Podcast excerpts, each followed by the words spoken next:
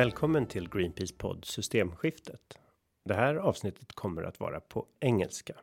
Welcome to the Greenpeace pod System Change, where I, Carl Schlüter, I'm a host, and our guest today is Gloria Jimvaga from Afrikagrupperna. She's policy advisor for food and land rights there. Heartily welcome. Thank you. I'm really glad to be here today. How come you started working on this subject? What does it mean for you? I think I started working with issues of food and land rights just after my undergrad, uh, which was a long time ago, 2010. And basically, I was inspired by the organization that I volunteered for in my first year, just after my undergrad. And we went to the communities and we were talking about land ownership in the communities.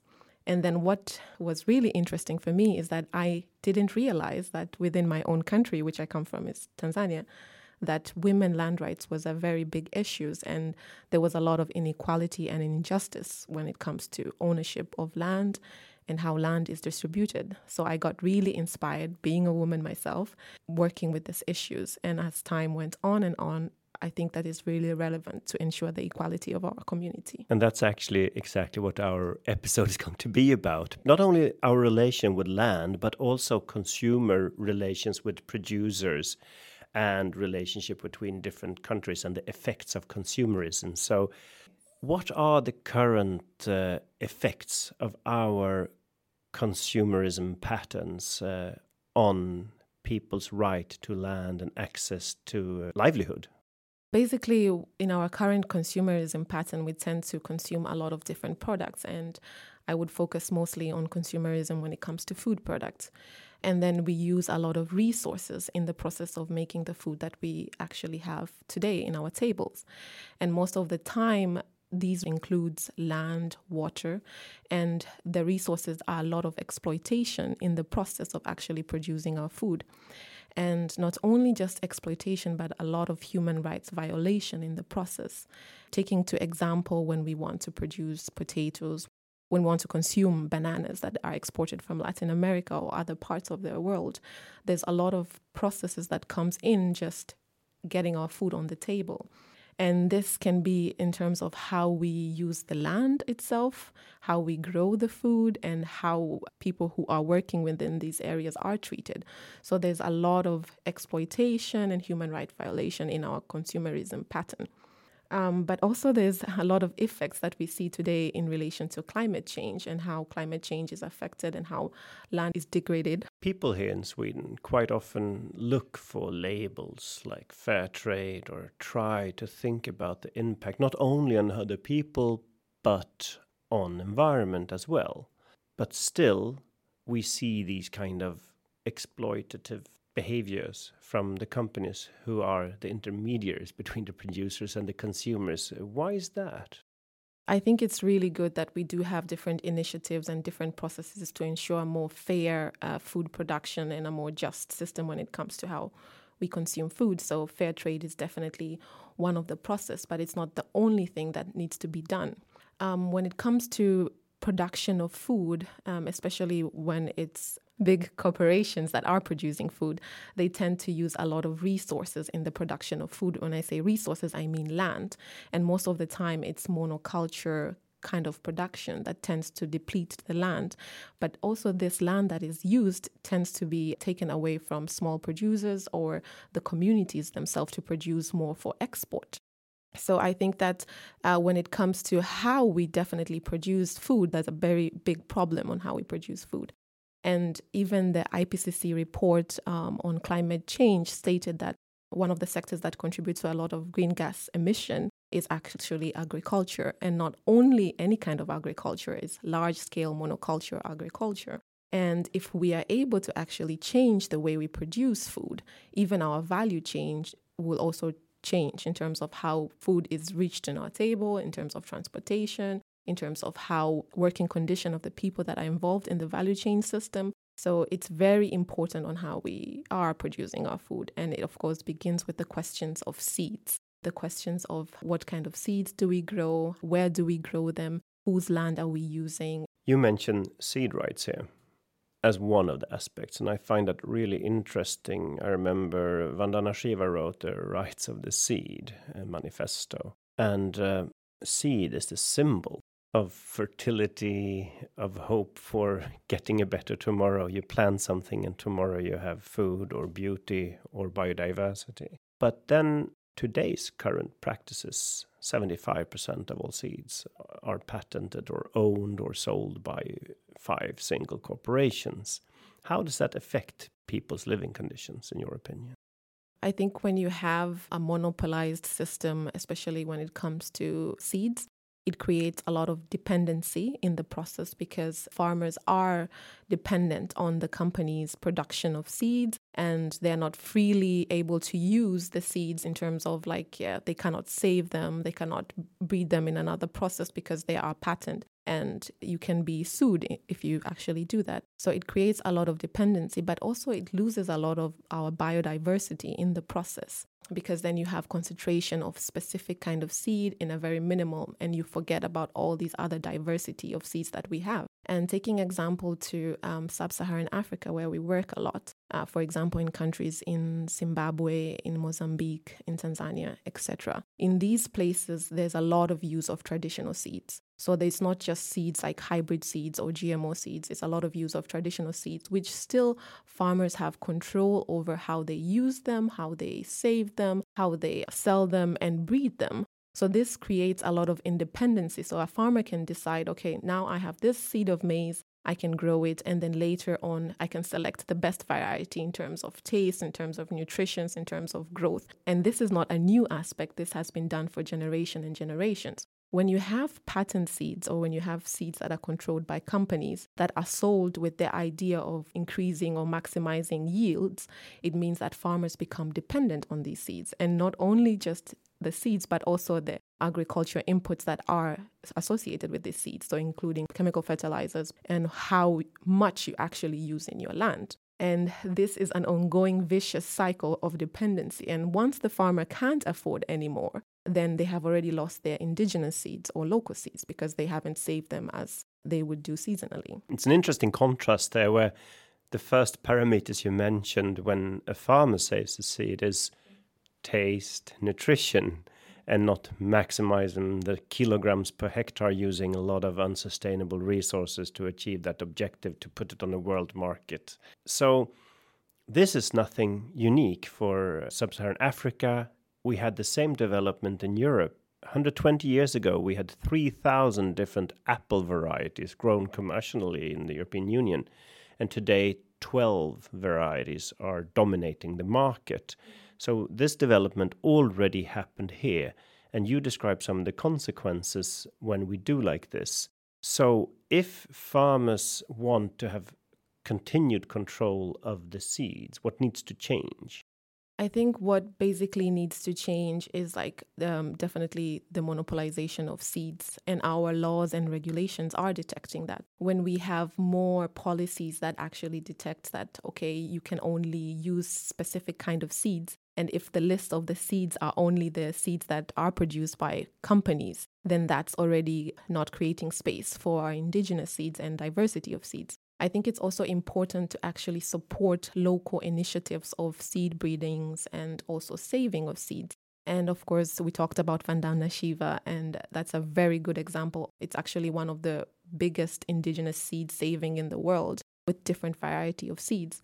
So we need to definitely support that kind of system. And we have also our partners in sub Saharan Africa, in Mozambique specifically, where they have like local seed banks. It's not like big seed bank like the one in Norway, which everybody saves their seed, meaning every country saves their seed in case oh, of yeah, any emergency. Spetsbergen, where the yes. global archive is. Yes, yeah, the exactly. global archive. It's nothing that advanced, uh, but it's just community kind of seed banks that where farmers send their seeds and share. And that this is also helps other farmers in terms of if a season happened that they couldn't save any seed they know still they have a backup. It also helps in terms of sharing knowledge and experience between farmers like okay how did you grow your food? How did they actually protect the environment in the process? Because we have to take in mind when communities or individuals have these land they want to use it for generation and generation. When multinational have land they want to maximize their profits and also produce a lot. It doesn't matter what happens to the land they can move somewhere else But for communities, it's really vital to ensure that this land can be passed on to generations. So supporting such initiative is really important in terms of seed. But also, there's a lot of initiatives within the EU also talking about the right to patent and discussing um, is it relevant to actually have patents over seed where seed is part of nature and owning that kind of seed because it begins with indigenous seeds. That's actually in direct violation with the fundamental patent law that says that you cannot patent uh, genome, for example. And uh, we had a similar fight here in Europe, uh, where the French association Kokopelli, which does exactly what you described, mm. um, where people share seeds, when you do that, and I have been doing this, so don't tell the authorities that I have been sharing seeds with some friends this year. I probably did a crime. I think not. well, if you didn't not. sell them. well, it it it's actually a very successful crime because now I have wonderful uh, melons and and tomatoes and flowers growing in my garden because I shared seed. And just exactly what you mentioned is that we share knowledge. Yeah. And it's also it's part of the resistance. People saving seeds even if they are restricted is part of the resistance to show that we choose or they choose that this is really relevant for the production system that we have to save seed in a system where it says that it's illegal. So it's part of the resistance. And that is something that can actually change. It doesn't mean because the policy and laws are written that they are set on stone, but can be actually changed. So it shouldn't be something that, as you said, thinking, oh, don't report me. It should be like, yes, as long as you're producing food in a sustainable manner that you could be able to share and save your seed. But this discussion brings us also into another aspect of what is interesting here, because as you described, when sharing seeds is done, you create a relation. It's not a transaction based logic, while the corporations and the global trading system is a transaction based system and as we mentioned before, so people have to trust labels because they have no relation. There's no way to measure if this is sustainably produced or not. When you don't have a relation, you cannot communicate. And this is also a difference between the global trade system and how normal economic operations work in many countries. What's your take on that? Yeah, I think we're going back to the aspect of how we treat food as a commodity, just as a commodity. And I think that food is not only a commodity for production, but it's also part of the cultural aspect of the community. So then we would go to how we say food sovereignty, like the freedom of food, deciding what kind of food uh, fits your environment, also protecting the producers of the food system. And I think that if we change our mindset to see that food is not just a commodity, it's also part of generational cultural aspects and also our environment, it's very vital. And COVID has really shown that how important is our food production system and how we are dependent and intertwined. And currently our trade regulations and agreements tends to favor a lot of corporations over farmers, over small producers, over indigenous communities because we have that aspect of looking at food as a commodity, which is definitely a capitalistic kind of system. I, I, suspected we would come to that word yes. in the end because as you said, you can choose path here. It's cooperation or corporation, and the trade agreements today favor the latter. Mm. So, if we would like to have a trade system which would promote cooperation, relation building, rather than domination and control, what do you think would have the biggest impact? What changes would you like to see there? I think, first of all, in terms of our ideology, so, definitely how we see food aspect or land or property we should definitely change from seeing it more as a commodity, but more as intertwined, connected uh, with our society, and that people are dependent for generation and generation. And this could also be done in looking at the top and down process. When we make these policies, we have to have more cooperations between the producers and the policymakers together to find the best solution. And currently, we're doing a lot of top down process where we just decide, meaning like the more powerful countries or the more powerful institutions institutions would decide what are the solutions. You don't say. I remember when we uh, when we investigated the TTIP agreement, the trade agreement with the EU and the US. Yes. Um, when we asked the Commission who had been involved in the consultation process, it was 93% corporations and 2 to 3% NGOs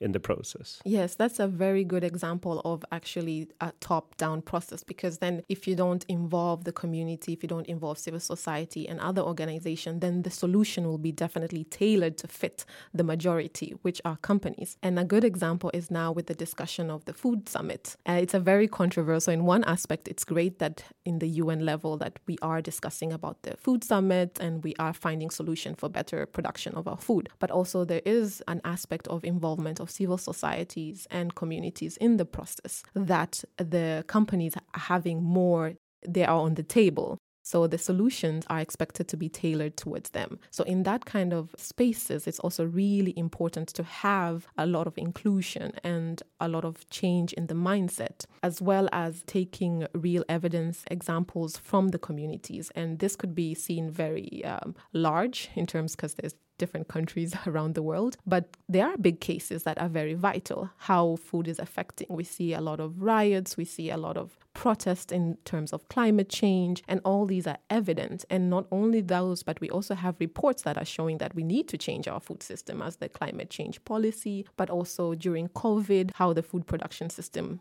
stopped in one process or how it favored cooperation in terms of subsidies and against farmers. So it's really important to have a very inclusive kind, including changing mindset. And then, of course, a proponent for current system would say, but we can't produce the food with that system. You can't have a lot of small farmers doing inefficient stuff. We need this huge agriculture to feed the world. What's your response then? Yes, because currently we are producing a lot of food that it's not equally distributed. A lot of food is wasted in the process. A lot of food is dumped in the process. So we are producing a lot of food that is not really consumed efficiently due to the inequality of the world. And a lot of food is actually consumed by animals that we eat. Exactly. That's also another relation topic on terms of consumption, on how we produce our food. But in that aspect that you were asking, agroecology, even before Green Revolution, even before Industrial Revolution,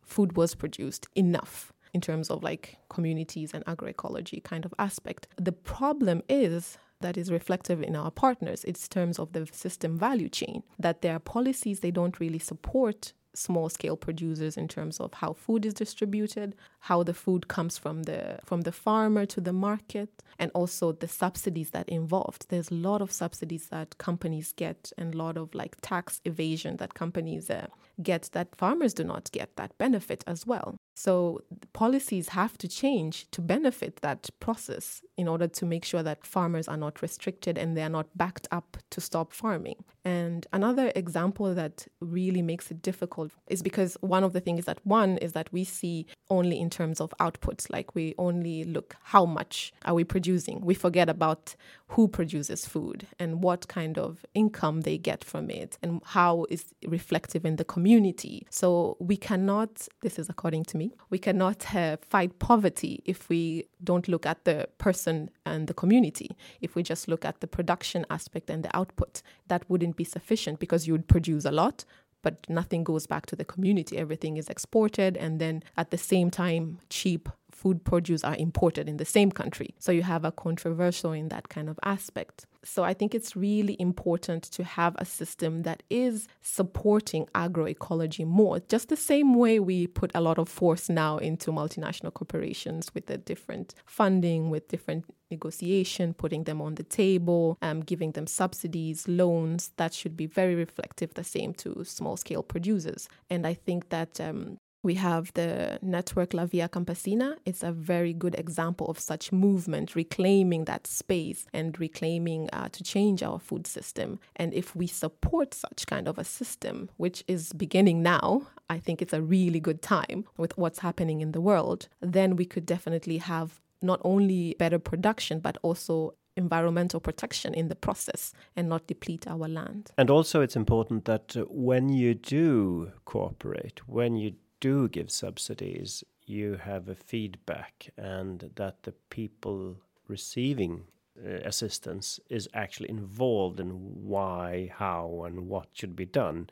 I remember you mentioned World Food Summit. I was actually part of the Swedish delegation there. I think it was about 20 years ago now. And I still remember a minuscule little UN program that I found was really excellent. And that was having technical expertise mm. and researchers speaking with local populations and then giving advice on how to improve the agricultural methods, but basing it on the current practices, which means that you wouldn't go in and say, oh, you had to buy a tractor for $2 billion and you have to buy seeds for $5 billion and you have to buy fertilizers for $20 billion. No, they said, okay, this is your practice today. Actually, research have shown that these small alterations to your current practices is a better agriculture. And I really love that program because it gave assistance where the persons assisted take control over the process, understand the process, have power over the process, mm-hmm. and do not need to spend all their money on buying things from corporations. And this is a minuscule little program, but I think it has a huge potential to reap the benefits of modern knowledge without destroying old communities. Yes, exactly. I think I'm not so aware of the program, but I, I do believe that different initiatives when it comes to FAO or the UN, but it's also in terms of like how large is the scale like how much spaces is given to projects as you explained over projects that are that companies have spaces. And a good example is that when you have states when they are designing agricultural policy who do they put on the table to provide for example the seeds whenever because when it's subsidies for some countries for example in sub-saharan africa they do have subsidies where they provide seedlings to the communities etc uh, but then which kind of seeds? Who is given that kind of if i could call it tender or commission who is that uh, because that will detect on how your agriculture system is. So if you have that kind of structure that are given to communities and are, are given to the local um, indigenous seeds if different projects are tailored to actually support local markets that farmers don't have to compete with uh, big corporations or supermarkets over their local produced food because that also makes it very difficult and expensive for them to sell because they're producing what we call agroecology and what would be termed as eco food system in Sweden. And that is a bit more expensive compared if you have massive production, which is cheap produce. And the only reason why that is cheaper is, of course, that the environmental and climate impacts of such a production system is not included in the cost of it, of course. Exactly, in the long term cost. Because you just look at what is produced now, you don't look at the long term of how the land is depleted, how we pollute our water system in the process of fertilization. And farmers within not only just sub Saharan Africa, in the global south ten, generally, when they use the land, they account it to be like, okay, this is going to be for generations. So it means that all the farming system has to support this generation that you could still use the land. And I think that's a very good way of looking at how we should use our resources. It should be seen that not only just as a commodity, but also for generation, meaning that we shouldn't pollute, we shouldn't exclude communities in terms of pushing them away from their land to produce, for example, maize or biofuel that doesn't even benefit the community. This is some of the aspect that should definitely be looked at. That's probably one of the main conflicts mm from a value based system here between what you mentioned before, so that corporations want to take land, exploit land, and then they don't care really if they leave it barren because they can always move production. Mm. While if you're part of a community, you have this generational view, and that's actually all over the place. I met a farmer in Dalarna in Sweden where he told me that in their village, inheritance rights was based on increasing the soil capital, the level of productive soil in the land. That was a good inheritance in those village statutes. And um, this view of land as a generational community thing rather than a proprietary ownership and exploitation logic. I think it's a really interesting thing. Could you describe a little bit about how people view land ownership and relations with land in different communities? Land definitely is viewed in terms of identity. And I think that is very universal from everywhere. Like, you would be like, okay, so where do you come from? And you'd be like, I come from Sweden, uh, I come from Tanzania, I come from Australia, etc. So land itself is a form of identity where you feel connected to. And then also, land is in terms of production and sustaining for your livelihood, for yourself and for your generation. So it's something that is seen to be passed through generation. But land is also property, it's a source of power, it's a source of conflict at the same time because there's a lot of fighting between different entities of ensuring that they have land. And that's one of the reasons why we had different wars, but that's another topic. but uh, so land is definitely a part of um, community connection. And the way land is owned could be in either in terms of our statutory law, meaning like more state driven, where you say that, okay, I have this piece of land, this is my property, this is where I build my house, and this is where I have my farm etc. So you would have a title, like a paper that shows that you have the legal right to that land. And then you also have another kind of ownership where it's more customary owned in terms of tradition. And that could be individual or it could be in terms of communities. So you have like a huge amount of land owned by communities, whether indigenous community or a certain community in different areas. And for example, I would give like in Mozambique as well, there's land is owned in the urban areas in terms of just the same way as it's owned here in Sweden where it's more a piece of land where you have a title and ownership. And then in the rural areas, then you have like more community land that you know that this is the land that we own in this community. Of course, it's registered to specific community people. And the way the land is managed is in terms of community ownership. So everything would be included in the community discussion. Where should we plant? Where should we reserve? Etc. and etc. So land is what you need for the livelihood. And then when you have multinational corporations or companies going to countries within Africa or countries within Latin America to acquire land to produce massive production of food for export, what they do is that they push out communities in that land and they do not take just any land, they take fertile land, which the communities are dependent. And also, sometimes there's been a discussion like, no, but they haven't been using the land, it's bare no land is bare. Land is reserved. Some communities reserve the land for spiritual aspect.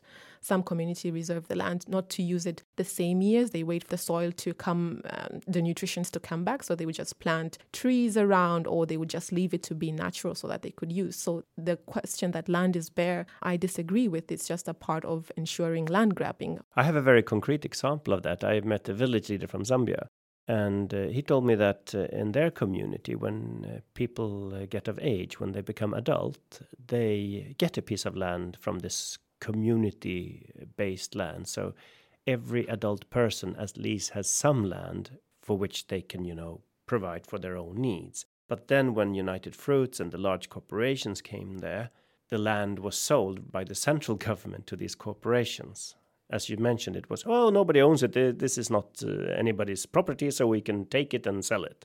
And then, of course, the only option for livelihood was to work in the huge agricultural production system, which exports all production, and you get a very small salary, and you need to spend all that salary to buy food from the corporation that gives you the job. So it's basically, you know, yeah. you lose your possibility and control of your own livelihood.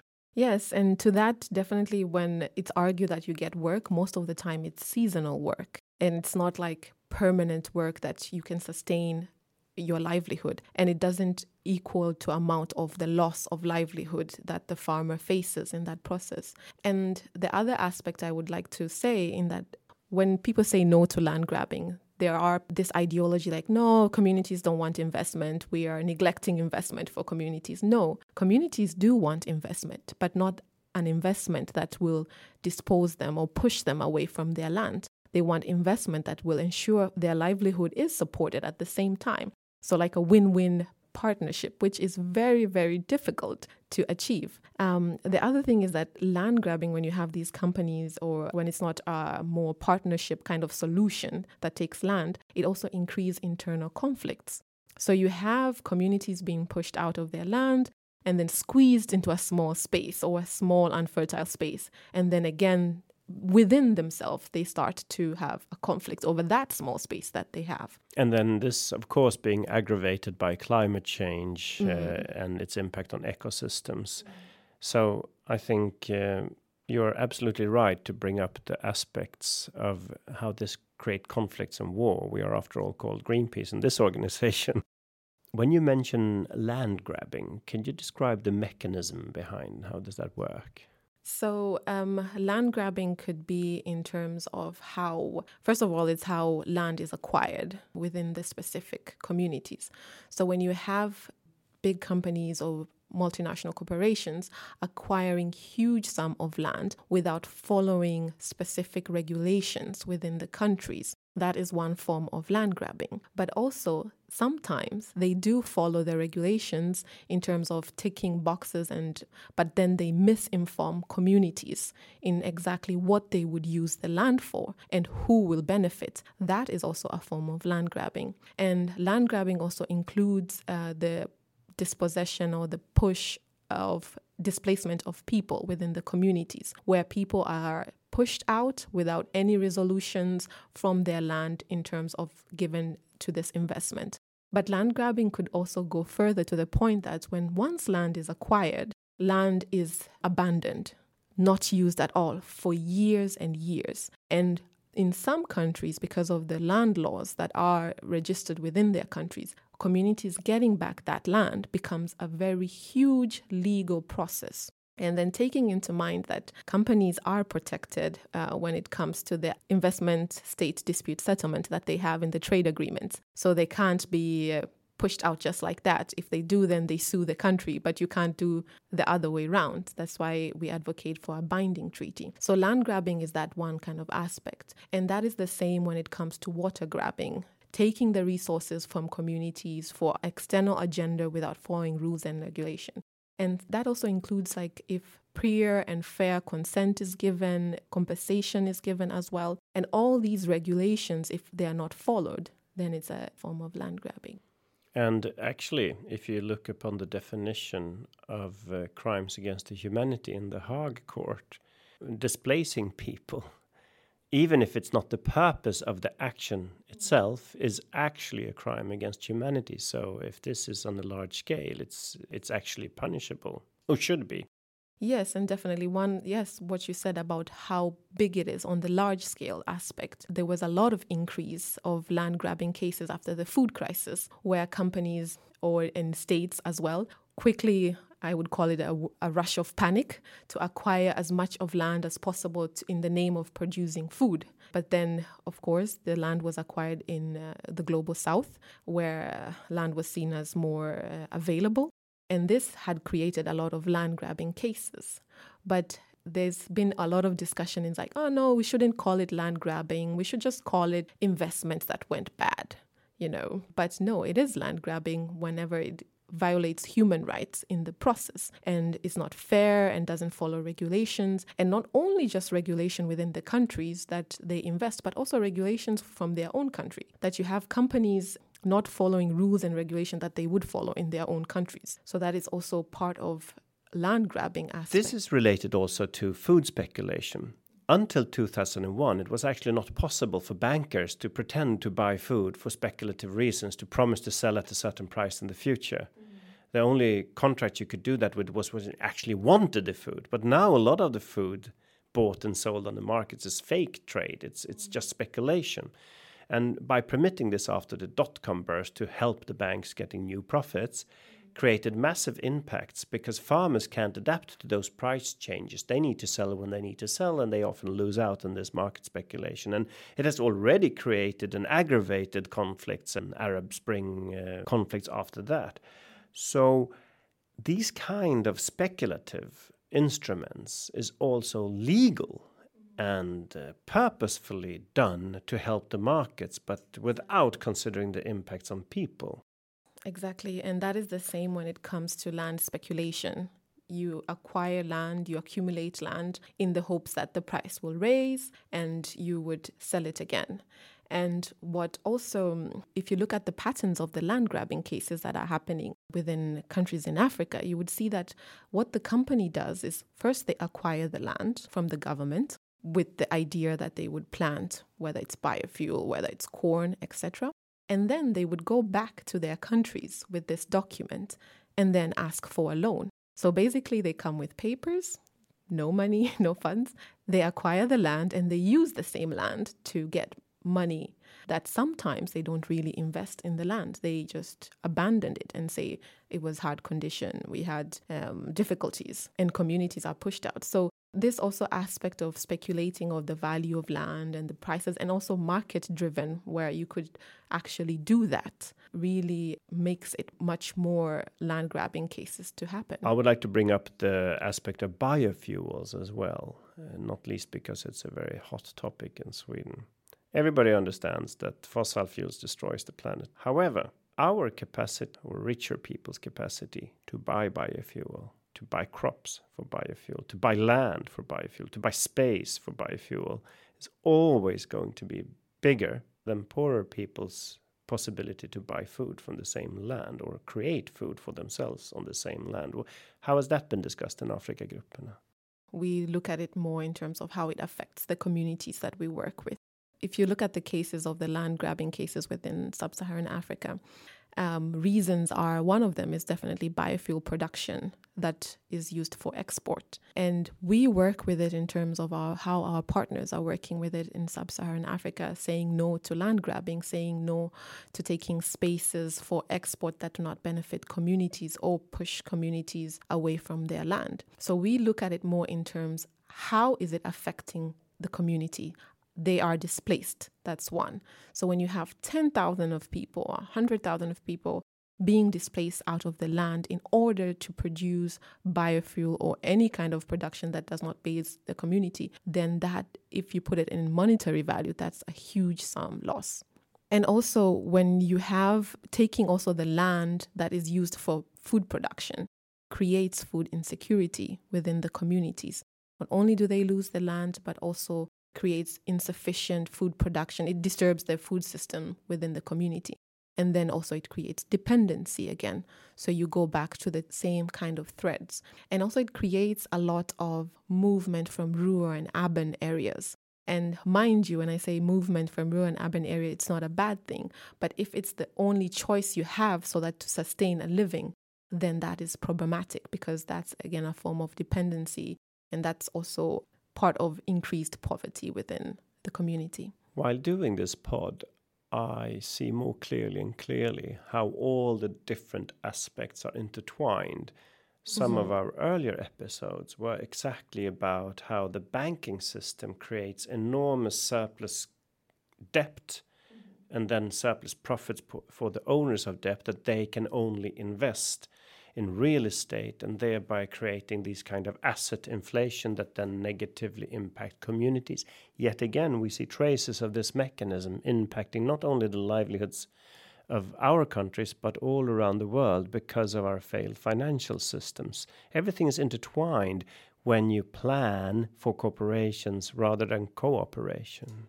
Yes, definitely. I also remember a very good example when it comes to the importance of we spoke about earlier importance of land and ownership. Uh, when we had a, one of the series of seminars in Africa Afrikagruppen, we had a Swedish farmer that was talking about producing more ecological production.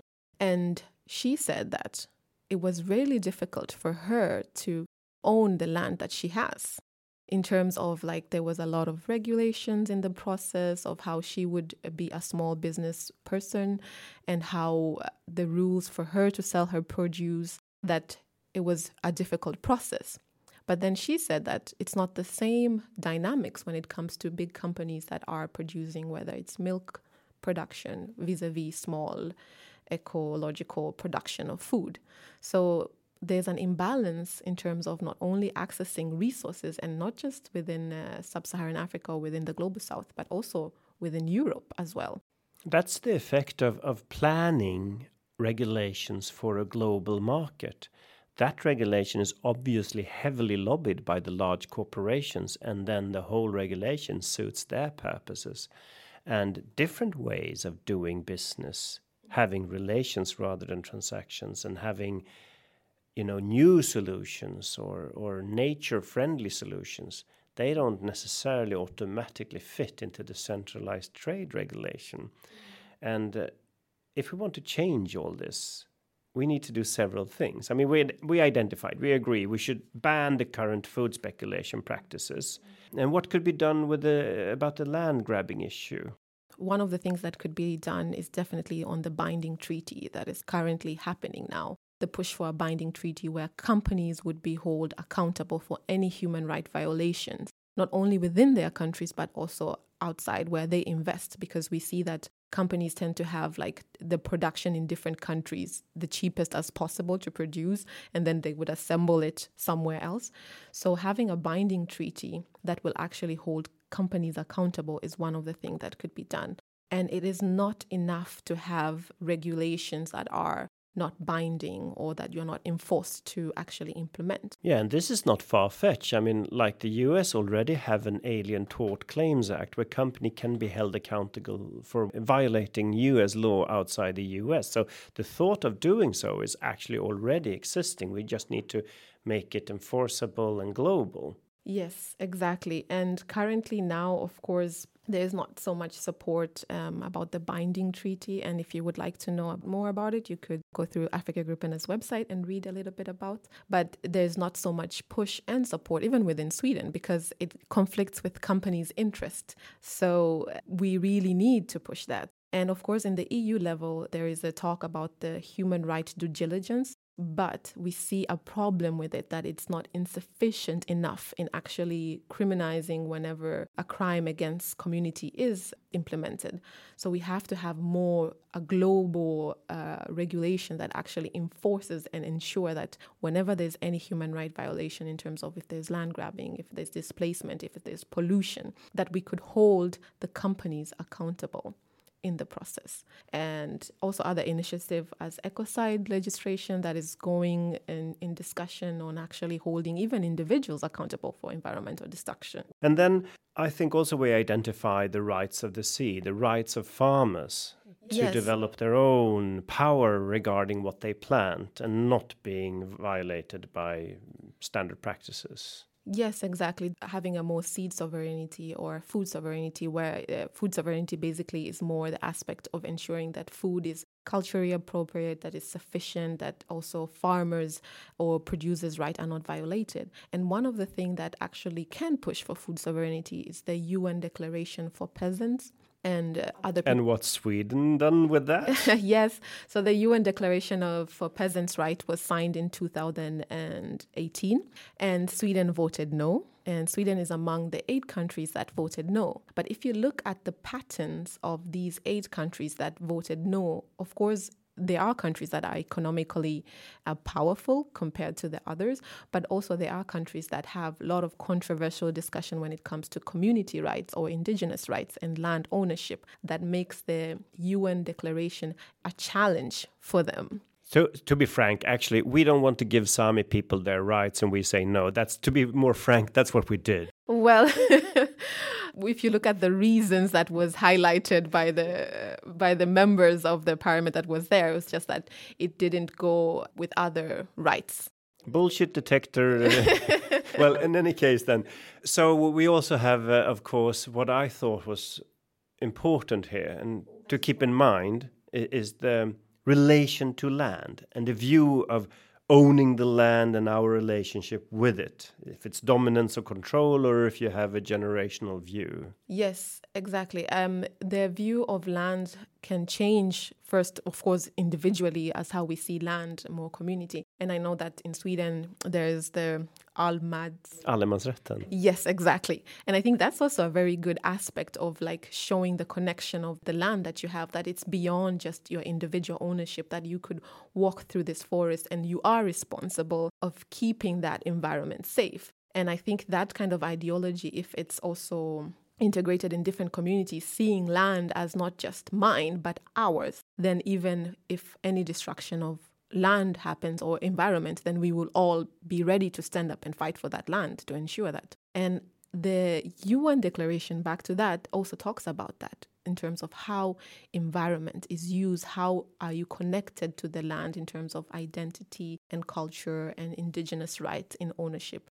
And all these aspects really do contribute a lot to the biodiversity of our land. And now there's a big discussion on having saving our biodiversity. Our biodiversity is declining. But this is not a new thing. Our biodiversity has been declining for the past 20, 30 years. And each date, it keeps deteriorating because of how we use our resources. And we have to change the way we use our resources. We have to move from a monoculture system into a more agroecology system. We have to have a more connection to our resources.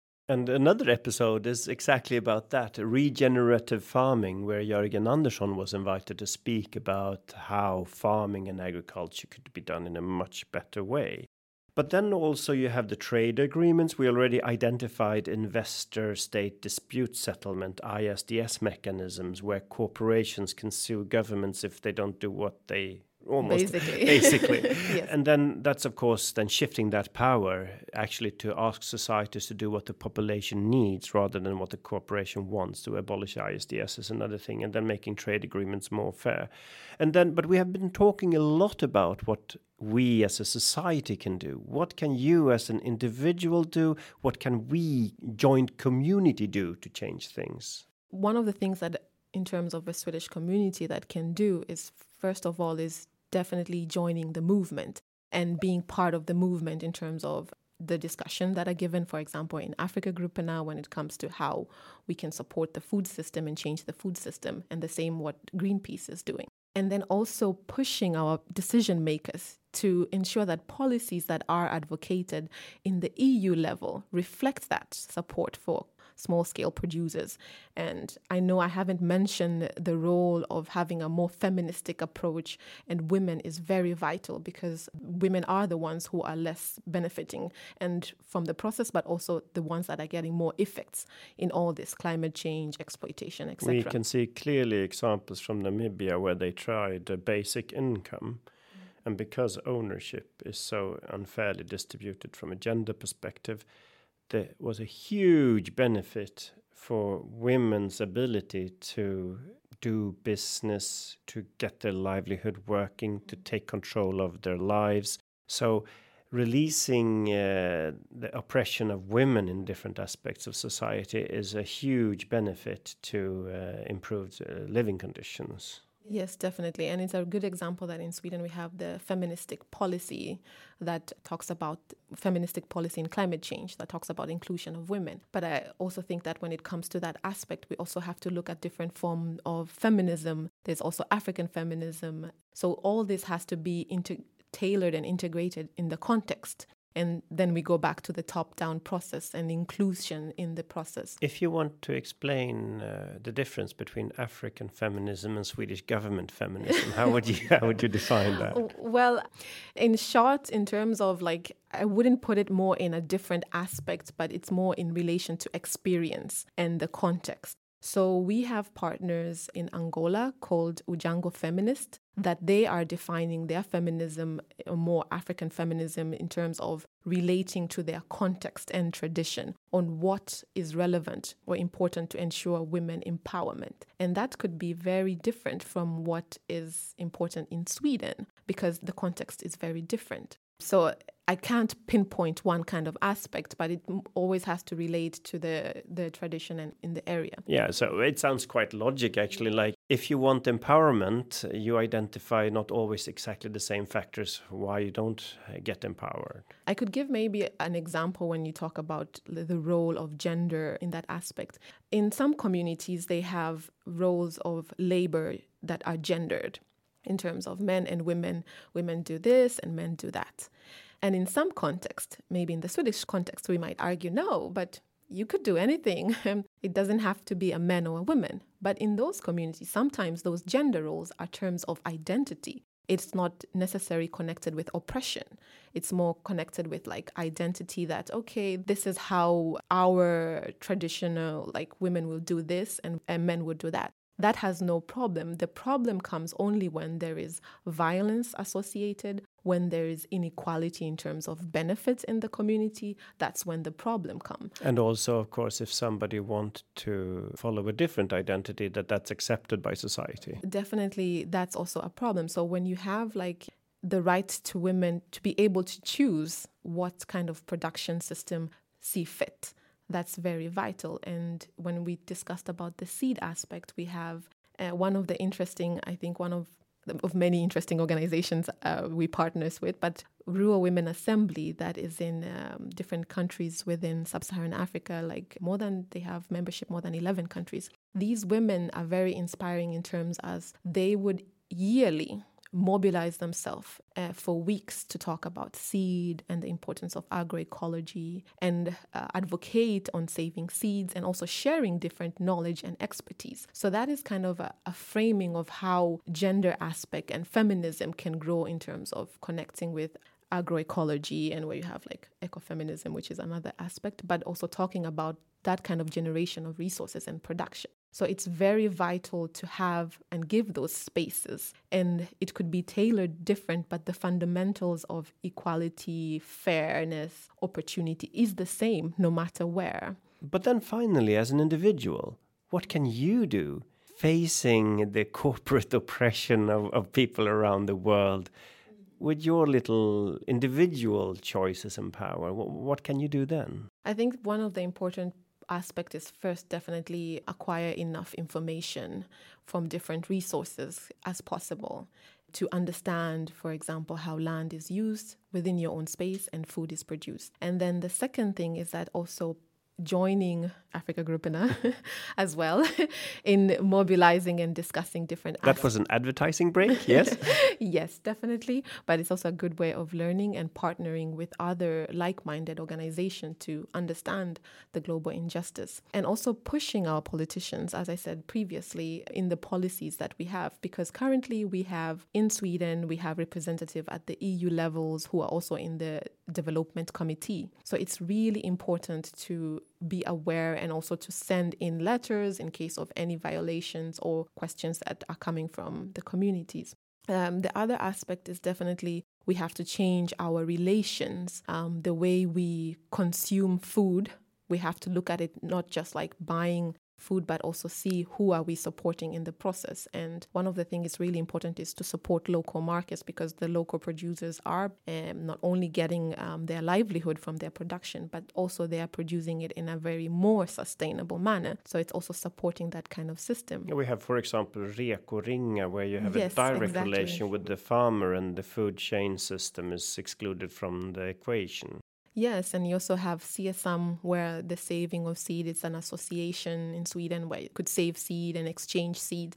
So that's a very good aspect. It cannot possibly be more locally produced than in your own balcony or a garden. That's definitely so. Yes, but of course, in some aspect, not everyone can produce that kind of food. But then we can contribute towards a more uh, sustainable uh, production. And just to add to that, that the responsibility, of course, shouldn't be just to the consumer because that would be putting a lot of weight uh, on the consumer, which is not their responsibility to look at. So we have to push for regulations that makes it easy for the consumer not to spend hours looking at the label like oh where does it come from? Was any human right violation process that should be already vented by our regulation and our policies. I think it should be more responsibilities of the politicians to actually ban the unacceptable regulate the possible and then promote the good for society. And i think this banning of the bad is too weak politicians are too afraid of that.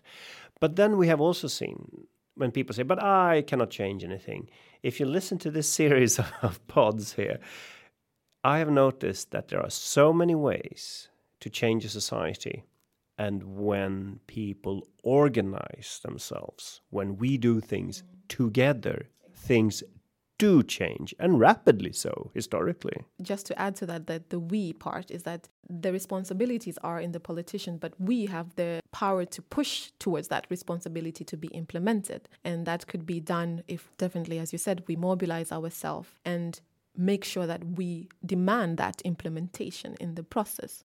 And then also one of the things that I would like to add is to see that we are interconnected in this world. What happens in the global south affects the global north relatively what happens in the south. It's not us against them. It's we. When climate change happened, it wouldn't detect like, okay, you are here and there. Of course, the effects on the rapidness will be different depending on the economic situation. Unfortunately, that's again the inequality of the world, but the effect will come to all of us on how food is produced, on how the injustice and the environmental depletion. So we have to change on how our narratives on how we see we are interconnected. And that is the same of how we value small scale producers or farmers' ideology. We have to change our mindset and not to see, I wouldn't want to call it as backward because I read it on different articles being like, oh, that's old fashioned. We should make a more scientific solution. But the, the solution goes back again to the basic on how we are treating resources. And I would really argue against that because, as mentioned before here,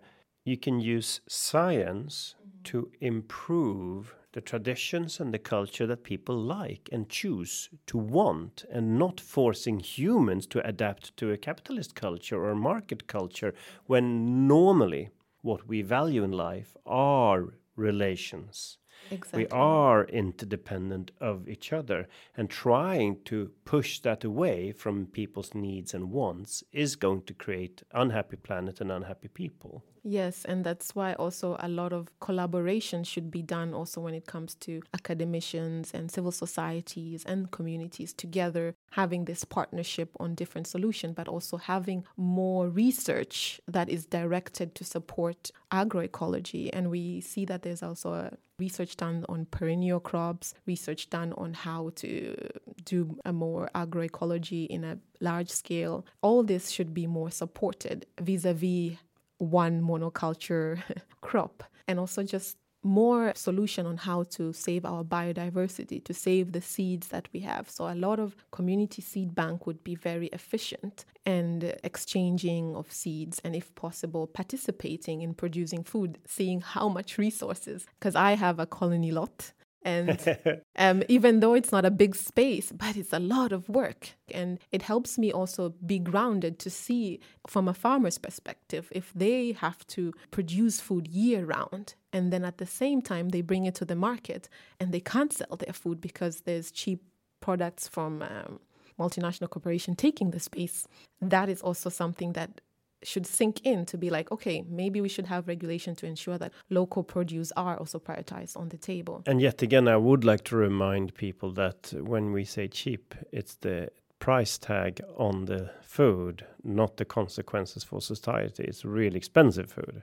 Definitely. That's something to add on Another aspect that I wanted to definitely add towards is on the aspect of uh, human rights and environmental defenders. And this is that they're really in threat. So, in the communities, you have people or groups of people that are actually fighting to ensure that environments is protected in terms of against pollution when it comes to mining in terms of land grabbing and these people are in high threats. Their lives are in high threats. And currently, from the UN report, it stated that just in 2017 towards 2018, 431 people were killed in 41 countries just for defending their environment. And also, the Global Witness report that looks at uh, land and environmental defenders just in 2020, it stated that in that year, there were 212 people that were killed just for defending the environment. So, more like in 2019. And that is basically four people per week. So that's also a very concerning aspect in ensuring that how can we create more policies that are protecting communities and protecting peoples that are defending the land and the environment against destruction and against who? it could be individual, it could be companies that are threatening people. And I think this is a very important aspect to look at. Yeah, we can see uh, with Greenpeace, we have had activists killed also. It's a global organization, and the working conditions are very different. In Sweden, maybe you face fines or even a little bit of prison or destroyed career opportunities in the corporate system. Sorry. uh, not so sorry. But anyway, um, that's the consequences here. But other people in this fight actually risk their lives, and we have much bigger opportunities to do more without risking our own lives here. So that puts a demand on us to take action to defend the people who risk everything. Exactly, and that's the part that is really important: is to actually acknowledge their existence and their struggles and trying to support that in solidarity even though it might be far away and it shouldn't be of course, it shouldn't be that you're killed just because you're trying to protect the water in your community or trying to protect the land in your community. And we also work with uh, women, a group of, it's an organization that deals with women in mining areas, but also their land rights. And there, there's evidence of environmental defenders that are under threat just because they advocate against mining that has been destroying um, their environment. So it's really relevant to support in solidarity. Definitely so. Yes. So, Gloria, I, I really appreciated having you here in our pod and thank you a lot for coming. Thanks for inviting. We touched upon so many subjects, mm-hmm. and some of them are actually dealt with in other episodes. So tune in and follow us in our future endeavors to discuss system change. Thanks a lot.